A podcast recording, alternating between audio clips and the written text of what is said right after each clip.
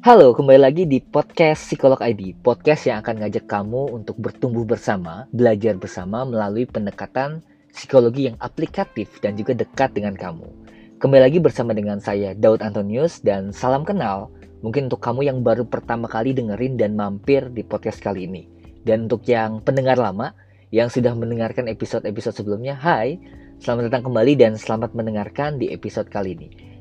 Di episode pada podcast kali ini kita akan membahas cara tahu apakah dia itu suka sama kamu atau enggak. Dan pertanyaan ini adalah pertanyaan yang cukup sering diajukan dan bikin orang penasaran. Nah, kalau kamu pengen tahu, yuk dengerin podcast episode kali ini.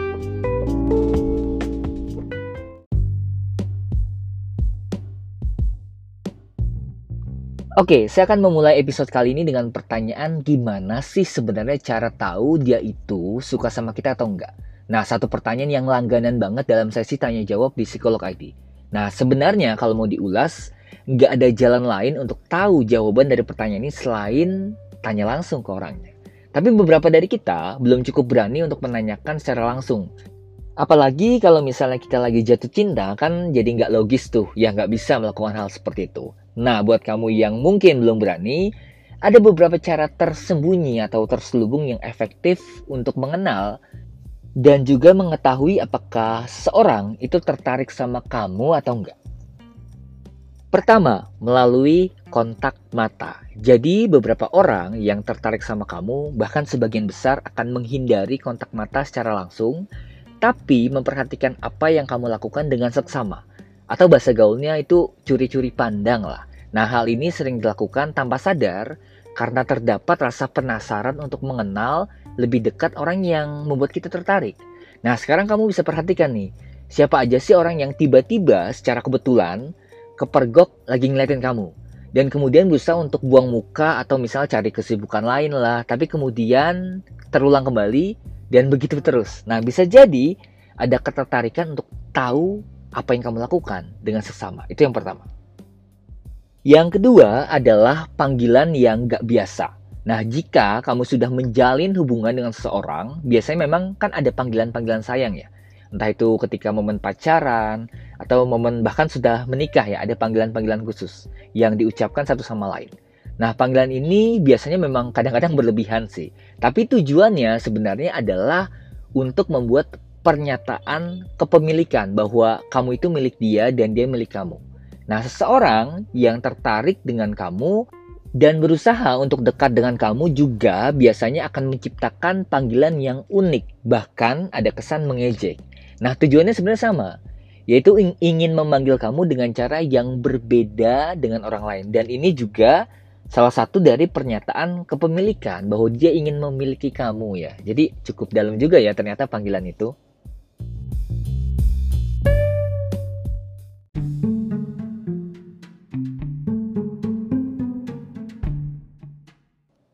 Selanjutnya yang ketiga adalah bahasa tubuh dan juga zona personal.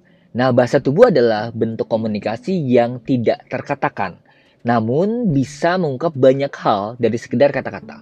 Bahkan menurut sejumlah penelitian psikologi ya, kalau teman-teman mungkin pernah baca, elemen nonverbal termasuk di dalamnya adalah vokal, cara kita mengatakan sesuatu atau cara kita berbahasa secara bahasa tubuh itu menyumbang hingga 90% komunikasi kita sehari-hari. Nah, kalau ngomongin soal bahasa tubuh, itu terdapat dua tanda dari bahasa tubuh ketika seseorang memang ingin dekat atau mengenal kamu atau dalam artian tertarik dengan kamu. Yang pertama itu ia cenderung melakukan bahasa tubuh yang mirip, serupa dengan yang kamu lakukan atau dalam istilah psikologinya disebut sebagai neuromirror atau mirroring lah.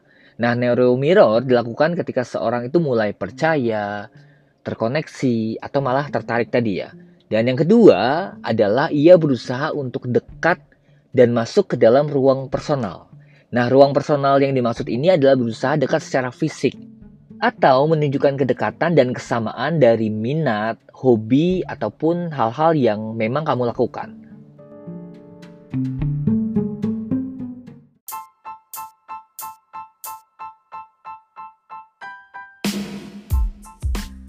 Sebelum masuk lebih jauh untuk mendengarkan podcast di episode kali ini, saya ada info menarik yang nggak boleh dilewatkan sama teman-teman, yaitu bahwa Psikolog ID akan kembali mengadakan roadshow di tahun 2023.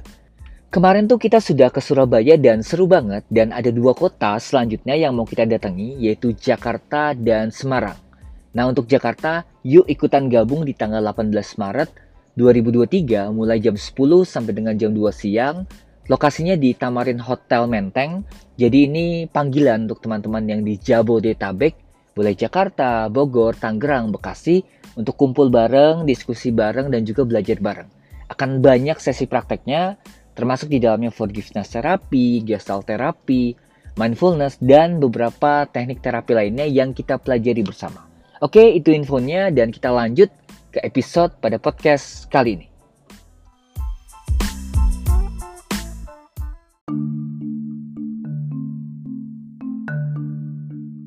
Berikutnya yang keempat adalah sering bertanya, tersenyum, atau bahkan tertawa ketika bersama dengan kamu. Nah, salah satu cara untuk menjaga pembicaraan agar berlangsung cukup lama adalah dengan mengajukan banyak pertanyaan. Nah, pertanyaan ini memang tanpa sadar diajukan itu supaya kamu dan dia punya waktu bersama yang lebih lama, lebih intens. Nah, tanda lain biasanya juga yang menyerupai adalah senyuman dalam ucapan atau dalam obrolan sama kamu dan juga tertawa dalam hal-hal sederhana yang kamu lakukan. Nah, ini sebenarnya upaya untuk menunjukkan bahwa dia itu senang ketika berada dekat dengan kamu atau ada di sekitar kamu. Kita masuk ke poin terakhir, yang kelima yang juga nggak kalah pentingnya adalah menunjukkan usaha. Jadi hal ini cukup penting dan nggak boleh terlewatkan, yaitu melihat setiap usaha yang berusaha ia tunjukkan agar bisa dekat sama kamu. Termasuk di dalamnya misalnya ya, melakukan hal yang belum pernah dilakukan sebelumnya tapi ketika sama kamu itu mau dilakukan. Mengerjakan sesuatu yang dia nggak sukai, meluangkan waktu istirahatnya untuk bersama dengan kamu, dan juga menunjukkan sikap yang kompetitif atau ada persaingan ketika orang lain itu berusaha dekat dengan kamu. Nah, teman-teman bisa cek nih dari tanda-tanda ini mana yang kira-kira muncul, apakah banyak atau salah satu setidaknya dari tanda-tanda tersebut.